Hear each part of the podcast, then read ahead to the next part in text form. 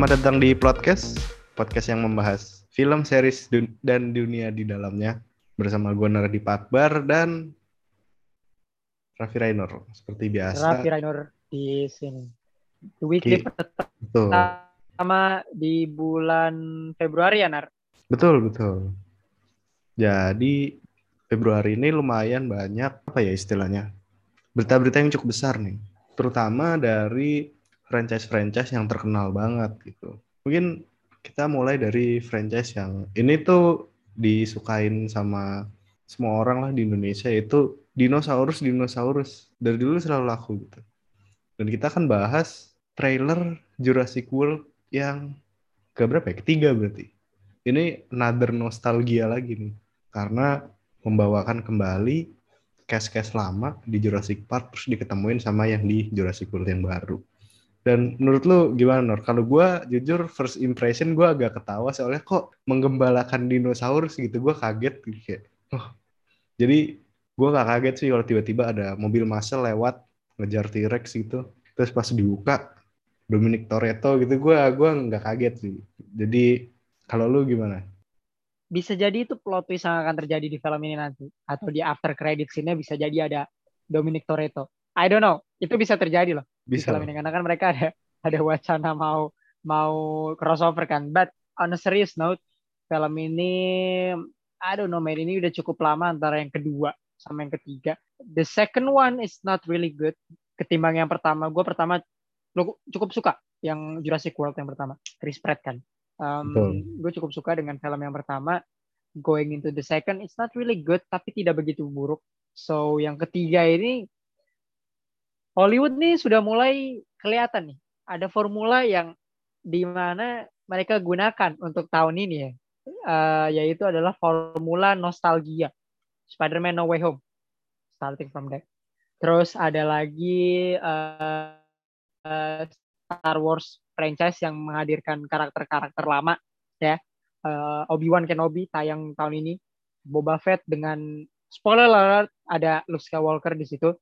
Eh, belum nanti The Flash memunculkan karakter-karakter lama Batman dan segala macam. So mulai ada kelihatan pattern nostalgia diangkat di film Hollywood dan menurut gue ini agak worrying karena ide original mu- mulai semakin menurun. Nggak tahu ini menurut gue, tapi sepertinya orang-orang udah mulai menggunakan elemen-elemen nostalgia ini untuk dimasukkan ke dalam blockbuster movie-nya mereka.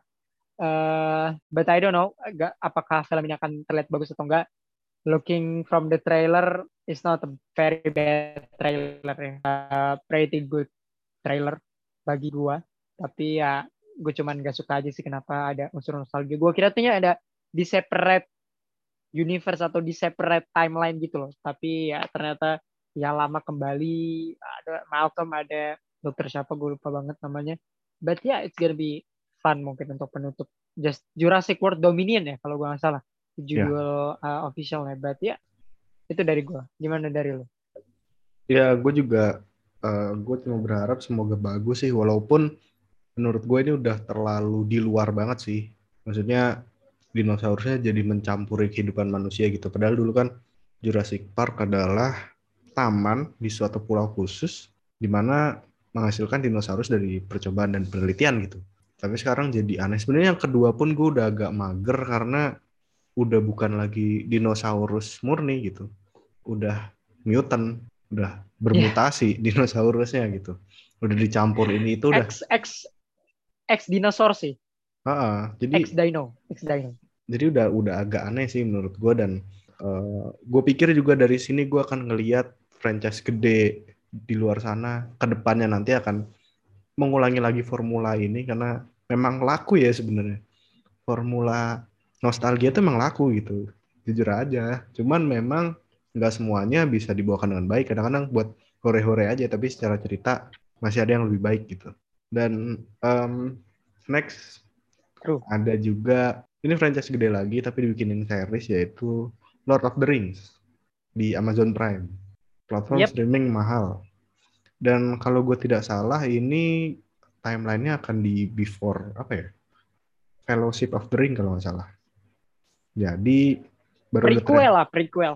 Ya, hmm. Hmm. jadi kalau kalian menonton, biasanya kalau Prime Video oke sih, biasanya ya, secara cerita karena akhir-akhir ini lagi bagus-bagus. So gue sih pede semoga bagus sih dan uh, series mungkin akan cerita cara cerita bisa lebih detail sih biasanya kalau kolosal series ceritanya bisa lebih detail karena mereka punya waktu yang begitu panjang kan anggaplah 8 episode satu episode sejam mereka punya 8 jam untuk ngejelasin seluruh cerita dan semoga bagus sih yep yep setuju. Walaupun gue bukan penggemar berat Lord of the Rings but first look trailer looking uh, secara visual aja judging visual base menurut gue regardless. Oke okay, uh, kita lanjut ke berita selanjutnya. Kita geser ke universe yang comic book universe uh, let's start with yang gede banget ya gue bisa bilang keduanya lagi gede banget karena keduanya betul, betul. ngeluarin trailer ya. Tapi kita mulai dari MCU dulu deh. Kemarin trailer Multiverse of Madness tanggal 14 Februari 2022 kemarin di Valentine's Day. Um, technically mereka ngeluarinnya tuh tanggal 13 ya, tapi uh, di Indonesia tanggal 14 berbarengan dengan TV spotnya yang ditayangin di salah satu event olahraga terbesar Amerika yaitu Super Bowl atau final dari liga olahraga NFL.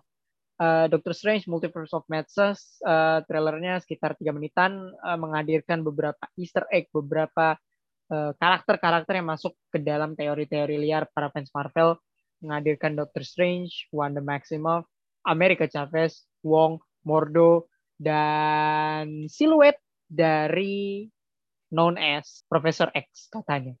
Tapi lu sendiri gimana ngeliat trailernya? Karena ini benar-benar jadi gorengan. Banyak channel YouTube trailer reaction uh, seluruh beranda YouTube gue isinya ini Instagram gue juga ini semua ngebahas tentang ini TikTok gue ngebahas tentang ini. Lo sendiri what do you see on this trailer? Dan bagaimana movie-nya atau filmnya akan uh, dibungkus nanti gue sih pede ini bagus sih.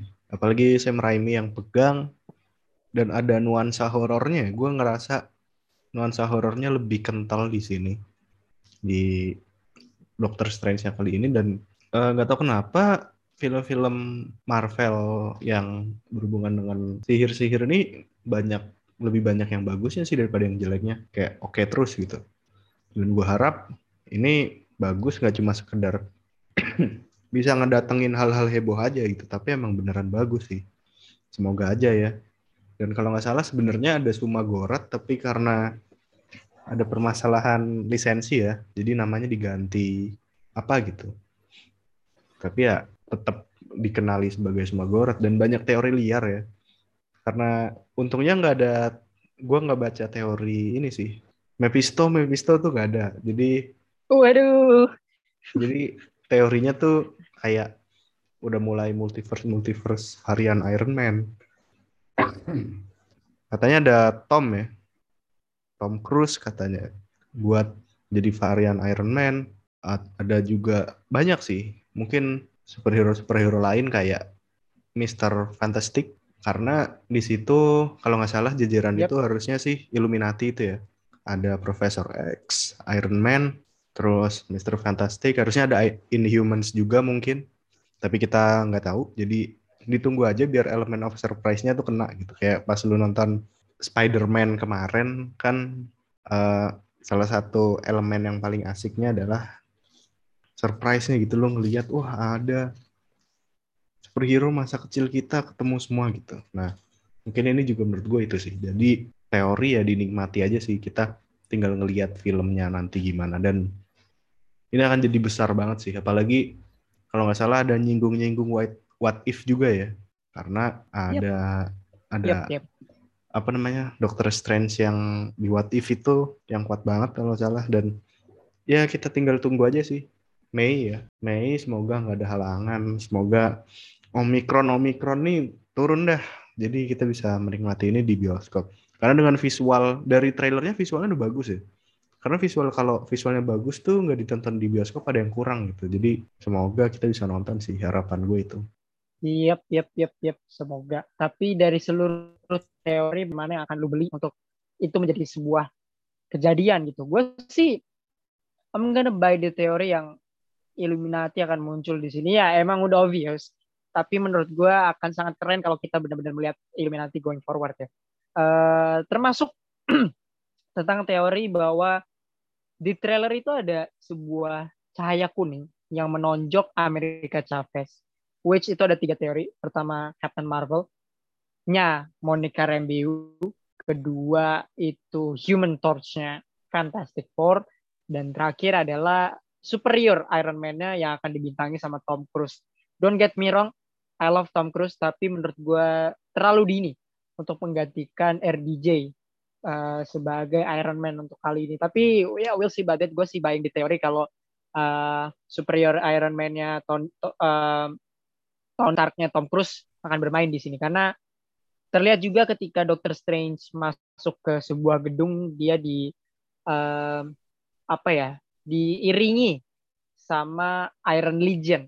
Kalau kita bisa bilang Iron Legion adalah suksesnya Project Ultronnya Tony Stark atau robot yang menghiasi seluruh dunia, yang memproteksi seluruh dunia. Bisa jadi dibilang Tony Stark di sini adalah varian Tony Stark yang berhasil mewujudkan impiannya. So menurut gue ini akan jadi sangat menarik kalau Tom Cruise gonna play actually jadi Iron Man karena fun fact sedikit, film Iron Man 2008 itu harusnya initially dimainkan sama Tom Cruise sebelum RDJ main. Tapi ya pada akhirnya kita tahu siapa yang memainkan, tapi Tom Cruise playing Tony Stark is gonna be huge, man.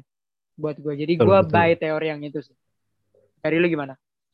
Gue juga sama sih. Apalagi uh, Illuminati. Gue berharap banget ada lengkap gitu. Mr. Fantastic. Ada Inhuman sih. Si Black Bolt ya kalau nggak salah harusnya Black Bolt, ada betul. karena Inhumans kemarin kan kacau banget tuh gue pengen dihadirkan kembali dengan keadaan yang lebih proper sih karena bro Inhumans itu juga salah satu karakter-karakter yang gede-gede banget yang di Marvel gitu jadi harapan gue kehadiran Inhumans ini bagus semoga sih dan sebenarnya ada juga yang bilang bisa jadi ada Nova tapi menurut gue kejauhan sih karena akan lebih cocok Nova munculnya lewat Guardian of the Galaxy. Tapi ya kita Guardians of pernah, the Galaxy. Exactly. So, karena kita nggak pernah tahu ya. Kalau lu nggak tahu Nova, lu nonton ini deh. Animasi film animasi Spider-Man tuh ada Nova kalau nggak salah. Dikit-dikit muncul. Keren dan gua harap juga muncul tapi kemungkinan sih harusnya di Guardian of the Galaxy. Mungkin itu sih si Doctor Strange dan gua akan harap multiverse ini beneran bisa istilahnya chaos lah kayak lo main Injustice itu kan chaos banget ya gue harap di sini juga bisa terjadi hal yang sama gitu battle antar karakter tapi beda universe yang satu jahat yang satu baik itu bakalan menarik banget sih um, akan sangat menarik untuk menunggu yang terjadi di trailer uh, gue tidak banyak membaca Doctor Strange, uh, Wanda dan lain-lain nanti adalah salah satu dari sedikit referensi gue tentang Marvel. So it's gonna be interesting. Membantu gue juga untuk uh, film ini. Oke, okay, uh, dari Marvel kita ke DC ya. Uh, tempo hari tanggal 11 atau 10 Februari DC ngeluarin teaser semacam teaser dari film yang akan muncul tahun 2022 menghadirkan beberapa first look terutama adalah film Black Adam yang, meng Betul. yang menghadirkan banyak uh, first look dari karakter-karakternya termasuk Aquaman yang kedua ya uh, The Last Kingdom juga menghadirkan beberapa still dari Aquaman uh, Black Adam nar mungkin yang akan kita bahas di sini first look dari Black Adam sendiri yang dimainkan oleh uh, Dwayne Corbusier terus Aduh. ada juga uh, Doctor Fate first looknya yang dimainkan oleh uh, Pierce Brosnan juga ada first look dari Hawkman first look dari Atom Smasher dan Cylone. Which one do you dari teaser dan gimana komentar? Kalau gue sebagai orang yang suka banget DC, ya gue juga suka Marvel tuh. Cuman DC emang menemani masa kecil gue lebih banyak. Gue nunggu banget Hawkman dan si Dr. Fate sih. Karena Dr. Fate nih jujur ya agak jarang gue lihat gitu. Paling ada di Injustice itu pun yang kedua terus di animasi beberapa kali kalau nggak salah ya atau belum pernah gue lupa dan menurut gue karakternya tuh keren gitu. Cuma memang jarang muncul. Gue harap kemunculannya bisa hadir dengan baik sih. Karena gue suka banget sama Dr. Fate gitu. Apalagi pas lu mainin Justice 2 tuh kayak keren men. Dia ngeluarin simbol-simbol tangan terus di belakangnya ada kayak simbol lagi di belakang badan itu kayak gila keren banget. Itu keren gitu. Jadi gue akan sangat menunggu dan di sini mungkin uh, Dwayne Johnson akan berperan jadi Black Adam yang lebih keji dibanding peran-peran yang biasa dia perankan kan. Biasanya kan jadi good guy superhero gitu kan Dwayne Johnson. Penyelamat gitu. dan sekarang akan jadi penjahat. So gue nunggu banget sih. Cuma memang kebiasaan ya kan kalau nggak salah ada adegan di Timur Tengah. Pasti color gradingnya kuning. Jadi ya waduh. kebiasaan. Tapi gue tetap nunggu sih karena setelah ngelihat kemarin Superman, Batman dan lain-lain nggak jelas gitu jadi kelanjutannya gimana jadi gue akan nungguin sih JSA ya Justice Society of America. True, true, true. Uh, satu hal yang pengen gue kritisi sedikit ya. Sayapnya Hawkman, men. Kayaknya itu uh, underdeveloped CGI sih ya. Uh, sayapnya Hawkman itu masih kelihatan raw banget. Tapi I'm gonna looking forward to it. Gue sama Nara setuju. Kita berdua bisa setuju Dr. Fate itu one of the most likable character di DC Universe. So, semuanya banyak yang dikeluarin di film Black Adam ini The Flash dengan uh, fitur terbarunya di mata Aquaman dengan stealth suitnya. So it's gonna be interesting termasuk The Batman yang lagi ini. Uh, berita selanjutnya Nar mungkin. Oke, okay. berita selanjutnya. Nah, jadi kemarin tuh Netflix habis ngeluarin uh, apa ya namanya? Kayak semacam trailer potongan-potongan trailer kecil gitulah. Nah, termasuk Knives Out 2. Jadi gue lumayan kaget waktu nonton karena gue kira Knives Out 2 akan ada di layar lebar tapi ternyata di Netflix ya so uh, eh, gue bakalan tunggu sih walaupun mungkin ada perbedaan uh, istilahnya perbedaan suasana ketika nonton karena akan ditonton di platform streaming. Dan ya semoga bagus aja sih. Dan juga Netflix bakalan nayangin Texas Chainsaw Massacre di mana akan tayang tanggal 18 Februari.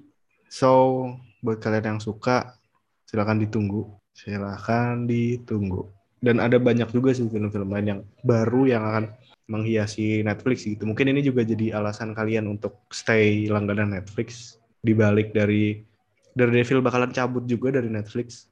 So silahkan menikmati tontonan tersebut.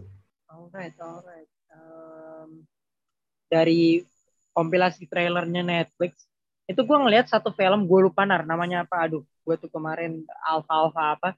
Ini dimainin sama Ryan Reynolds. Kalau gue bisa rekomendasiin film yang harus lu tonton ini harus lu tonton karena premis ceritanya itu mempertemukan antara Ryan Reynolds dengan versi mudanya dia. Jadi Ryan Reynolds ini dari masa depan dan dia ketemu sama dia pas masih kecil untuk ya semacam saving the world thing lah uh, ini iklannya gue lihat di Super Bowl kemarin uh, hari Senin waktu Indonesia dan gue akan cukup uh, menantikan ini. Gue lupa namanya apa. Mungkin bisa cari Alpha apa gitu. Tapi Ryan oh. kayak Ryan Reynolds. Oke oke oke.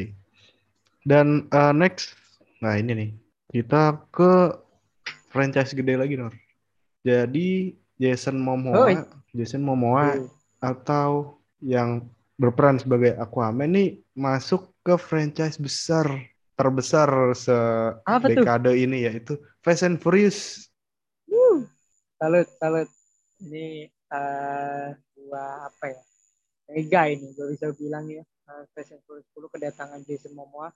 Prediksi lu dia akan jadi siapa nak adiknya siapa Wah. lagi nggak tahu nih. Ini ya mau ada hubungan keluarga lagi kah atau apa karena uh, Fast and terakhir kemarin tuh kan ngedatengin semua orang ya Han yang entah dari mana mungkin nih nggak tahu ya gue gue udah gue udah nggak bisa berpikir lagi sih soal franchise ini karena bisa benar-benar di luar dari nalar kita semua gitu. Aduh, tapi ya syarat untuk Jason Momoa ya about time dia join franchise terbesar alam semesta. Jadi ya good for him, dia akan main di Aquaman dan dia akan jadi sepupunya Dominic Toretto mungkin yang hilang dari puluhan tahun yang lalu. Will Bassett dalam Fast and Furious 10 juga installment terakhir dari franchise terbaik uh, gue dan Nara. Uh, so it's gonna be interesting to see.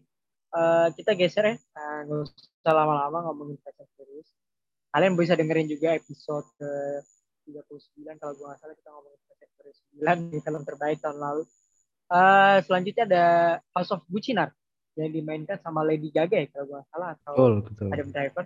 Uh, House of Gucci bakal rilis di streaming platform Vudu. Vudu ini Vudu apa ya? Uh, Amazon Prime dan platform lainnya pada bulan Februari. Will you watch this movie? Gue bakal nonton sih kelihatannya karena sebenarnya kemarin tuh pas di bioskop gue pengen buat nonton, tapi penayangannya terbatas. Jadi gue nggak sempet. Akhirnya ya udah deh, gue nunggu di platform streaming ini aja. Jadi gue bakal nonton sih. Gue akan meluangkan waktu gue untuk nonton dan uang lagi-lagi. Tapi mungkin agak nanti sih soalnya akhir-akhir ini lagi banyak apa ya istilahnya serial-serial menunggu kayak Peacemaker. Jadi gue akan tahan dulu. Yep, yep, true, true. Ada juga Book of Boba Fett yang akan kita bahas di episode mendatang ya. Series finalnya udah uh, hadir di Disney Plus. Oh. Tadi kita udah sebutin akan hadir di Hulu dan di Amazon Prime platform streaming mahal terakhir mungkin dari Hollywood uh, trailer dari adaptasi game Halo kita udah ngomongin di di terakhir sekarang udah ada trailernya. Nar satu dua patah reaction mungkin tentang trailernya Halo the series. Gue ngerasa Halo ini beneran digarap serius sih sama si Paramount ya. Walaupun ya, Paramount. akan keluar di platform streaming dia yang baru tapi gue ngerasa ini beneran digarap serius gitu. Nggak cuma sekedar oh ya gue studio gue punya platform streaming baru terus gue mau bikin nih ngambil dari franchise gede gitu soalnya kadang-kadang kan suka ada yang kayak gitu ya tapi ini beneran digarap serius dan gue ngeliat dari desain kostum dan segala macamnya meyakinkan banget sih gue harap tidak mengecewakan sih terutama mungkin buat uh, orang-orang yang main game Halo banyak yang senang gitu karena beneran digarap dengan baik.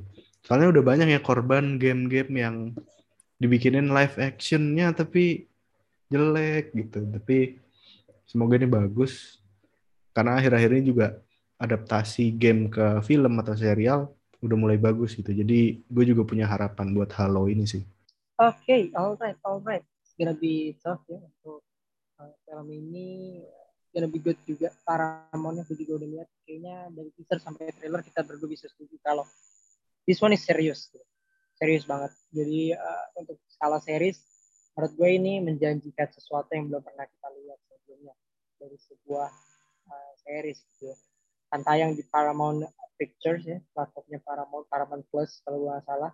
Kalau lu nonton uh, bola lu juga bisa nonton Champions League dan nonton La Liga kalau gue salah di platform Terakhir kita jumping ke Indonesia ini di uh, di pointersnya ngomongin tentang film Indonesia berjudul Nokta Merah Perkawinan. Nokta ini atau akta Nokta Merah Perkawinan.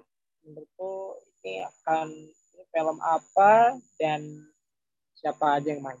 Jadi ini tuh film yang dia dia ngadaptasi dari sinetron, judulnya sama. Jadi Nokta Merah Perkawinan juga bakalan difilmin dan ada Oka Antara, ada Marsha Timothy, ada Sheila Dara Aisyah dan cukup meyakinkan ya si pemerannya ngambil dari uh, sinetron. Tapi biasanya malah sinetron yang diambil jadi film malah bagus itu. Semoga sih dan ini kalau nggak salah udah diproduksi dari tahun 2020 deh. Tapi kan uh, banyak kalangan juga ya kemarin apalagi pandemi dan lain-lain jadi baru akan tayang lagi. Jadi kita tunggu aja sih. Yap, yap, yap. It's gonna be uh, interesting apa yang akan terjadi di uh, film ini. Nokta Merah Awinan. Terakhir, ini ada satu film yang cukup hype pada uh, medio di mana isu ini naik. Jadi ada sebuah thread terkenal di akhir tahun 2019 lalu yaitu thread Twitter KKN Desa Penari. Nah, thread itu pun sangat viral sehingga studio film, gue studio film apa ya, uh, berani menggelontorkan dana yang cukup mahal, MM-an, untuk menggarap film ini. Jadi ini adaptasi dari thread itu dengan judul yang sama. Yaitu KKN Desa Penari. Kalau gue nggak salah budgetnya lebih dari 5 miliar. Uh, film ini initially mau tayang tahun 2020. Kita tahu apa yang terjadi di tahun itu. Diundur di bulan Oktober 2021. Diundur lagi di bulan ini, Februari 2022. Tapi seharusnya tanggal 24 diundur lagi sampai waktu yang akan ditentukan. Lu tahu beberapa detail tentang film ini atau ada hal-hal yang pengen lu sampaikan dari film Kakak Desa Penari yang salah satunya akan dimainkan oleh Sabiani? Oh, jujur sebenarnya kasihan sih ngelihat si apa nih namanya KKN Desa Penari karena kejadiannya sama kayak X-Men yang terakhir kemarin. Yang ada siapa tuh namanya? Gue lupa. The, the, the New Mutant ah New Mutant salah salah dan itu kan diundur-diundur sampai akhirnya pas penayangan hype-nya udah hilang. Orang udah gak penasaran gitu karena udah ah males. Dan takutnya adalah kakak di desa penari pun udah mulai kehilangan hype-nya. Karena kan treatnya tuh berapa ya? Tahun berapa? Tahun 2020 apa 2019 2019 kan 2019 mau tayang di tahun 2020 tapi pandemi kan digempur. Selalu keadaan karena gini desa penari mau tayang terus muncullah pandemi. Habis itu, nah terus pandemi turun, akhirnya siap-siap mau tayangin, pandemi naik lagi. Jadi selalu pengen tayang di keadaan pandemi mau naik gitu. Dan ya gue harap sih salah satu langkah yang bisa diambil, jangan terlalu lama sih ngundurnya. Karena kalau udah terlalu lama, orang udah gak penasaran lagi, malah gak ada yang nonton gitu. Yeah. Karena kan KKN di Desa Penari ini berdasarkan cerita yang lagi rame.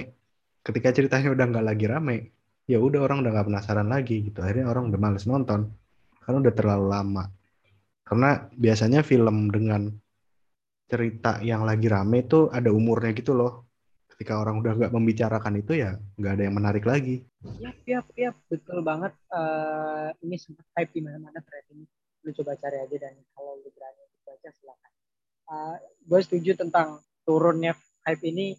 Gak cuma kita berdua orang-orang di Twitter juga bilang kalau mereka udah menunggu lama tentang film ini. Walaupun ada beberapa yang percaya bahwa film ini tidak harus difilmkan sejak awal, uh, tapi ya Indonesia uh, di mana ada ladang duit di situ apa aja dilakukan. Tapi kita belum tahu film ini akan diundur sampai kapan. But ya, yeah, we'll see for more.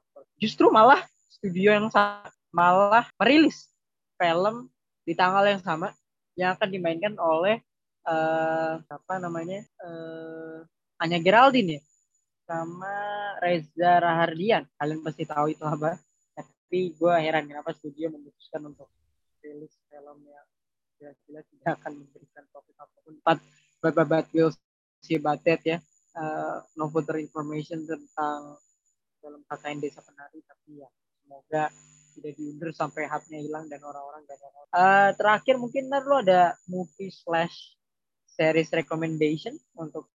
Kalau untuk minggu-minggu ini sih nonton Peacemaker nih kayaknya finalnya bentar lagi. Menurut gua lu harus nonton karena gini oke gua tahu DC itu berantakan banget sekarang tapi Peacemaker bisa ngasih lu suasana yang enak dan seru buat ditonton tanpa lu harus mikirin uh, apa ya istilahnya kontinuitas yang terlalu rumit. Sekarang gini lu nonton serial Marvel lu harus ngikutin dulu gitu. Lu nonton Loki minimal lu tahu Avengers nonton Thor tapi Peacemaker lu cukup nonton The Suicide Squad aja. Udah gitu lu nggak perlu tahu Batman versus Superman. Jadi ini enak banget buat, buat lu tonton. Dan juga fun gitu. Di mana mungkin ini kayak apa ya sisi lain dari James Gunn yang dia nggak bisa keluarin di Guardian of the Galaxy. Karena ini series uh, series brutal banget. Dan bercandaannya pun gue ngerasa enak gitu buat ditonton di mana gue nggak dapetin itu di GOTG gitu. Tapi gue bisa dapat itu di sini. Dan gue seneng gimana James Gunn bisa membawakan karakter istilahnya karakter kelas B lah untuk menarik gitu buat ditonton. Dan sangat-sangat enjoyable. Apalagi di sini John Cena bisa berakting dengan baik sebagai peacemaker sih. Jadi gue sangat-sangat merekomendasikan si peacemaker ini. Sip sip. Betul banget.